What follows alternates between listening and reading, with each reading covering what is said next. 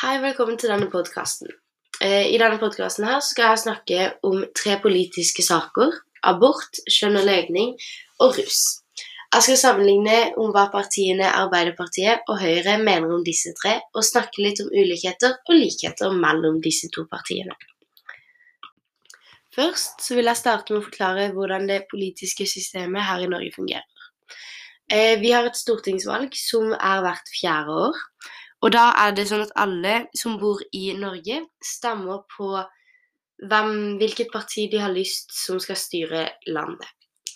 Eh, alle over 18 år har stemmerett i stortingsvalget. Eh, og i Norge så har vi et demokrati. Og demokrati er når de som bor i landet, bestemmer hvem som skal sitte og styre landet. Og i Norge så bestemmer man, eller man stemmer på eh, hvem som skal sitte på Stortinget og i regjeringen. På Stortinget så sitter det 169 representanter, eh, eller mandater som det også kalles. 150 av disse kalles for distriktmandater, som er fordelt på, 100, nei, som er fordelt på 19 valgdistrikt. Valgdistriktene er de 19 gamle fylkene. Antall, på, antall distriktmandater distriktet får, avhenger av folketallet og størrelsen på fylket. Det partiet som får flest stemmer i distriktene, får det antallet mandanter fylket har. Det er også 19 utjevningsmandater, eh, men disse stemmer man ikke på. Eh, hvert fylke eller distrikt har én utjevningsmandant hver. For å få utjevningsmandanter så må man være over sperregrensen, som ligger på 4% her i Norge. Eh, og om man er under sperregrensen, så får man ingen utjevningsmandanter, men man kan fortsatt få plass på Stortinget. Sperregrensen er 4 av eh, alle stemmene i hele landet. Så om man har under 4% av stemmene totalt i hele landet, så får man ingen utjevningsmandater. Men om man er over, så kan man få én eller flere. Regjeringen dannes av det partiet som har fått flest stemmer i hele landet. Altså det partiet som har vunnet valget. Eh, de skal gå sammen med andre partier for å danne en regjering sammen. Og da kan man både danne et flertallsregjering, eh, hvor det er flere som sitter i, i, regjering i Stortinget, enn det er de som ikke sitter i re regjering, eller mindretallsregjering, hvor det da er mindre enn ja. Først så vil jeg starte å snakke om temaet abort. Dette er et veldig stort tema, og det er veldig mange som har sterke meninger rundt dette temaet. Men det er også veldig mange forskjellige meninger. Og det er flere unge som har sterke og forskjellige meninger om dette, og det var derfor jeg valgte å snakke om dette. Arbeiderpartiet ønsker å utvide selvbestemt abort til uke 18. Og i dag så er abortloven at man kan ta selvbestemt abort frem til svangerskapsuke 12. Så de vil altså utvide abortloven. Eh, Ap ønsker også å fjerne abortnemnd. Abortnemnden er en gruppe med mennesker som bestemmer om en abort etter uke 12 skal gjennomføres eller ikke. Og om man så gjennomfører en abort etter uke tolv, så er det fordi abortnemnden har godkjent det, og det er mest sannsynlig en medisinsk grunn til det. Høyre derimot har litt andre ønsker rundt abort. Eh, de ønsker bare å beholde abortloven med selvbestemt abort frem til uke tolv. Og Grunnen til at de vil beholde denne, er fordi de mener at denne loven her balanserer kvinnens rett til å bestemme selv over egen kropp, og at fosteret har rett til liv. Fordi begge parter i en abort har rett til noe som på en måte blir brutt, men samtidig så mener Høyre at dette her blir bare at svangerskapsuke 12 er en fin balanse.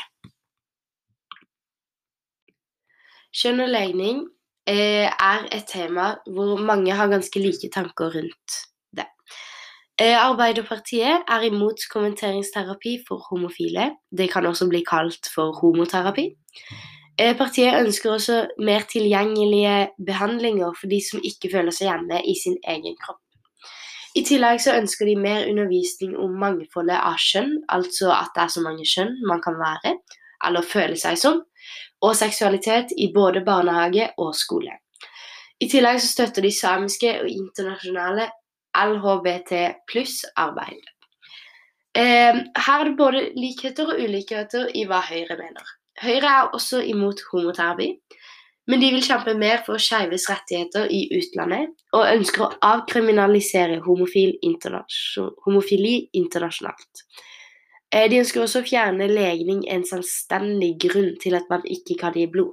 Altså, de vil la homofile gi blod. For de flere steder så er det sånn at om man er homofil, så kan man ikke gi blod. Og det er eh, veldig dumt, fordi om man eh, er veldig glad i noen, så har man lyst til å gi dem blod. Så er man homofil, så kan man dessverre ikke det.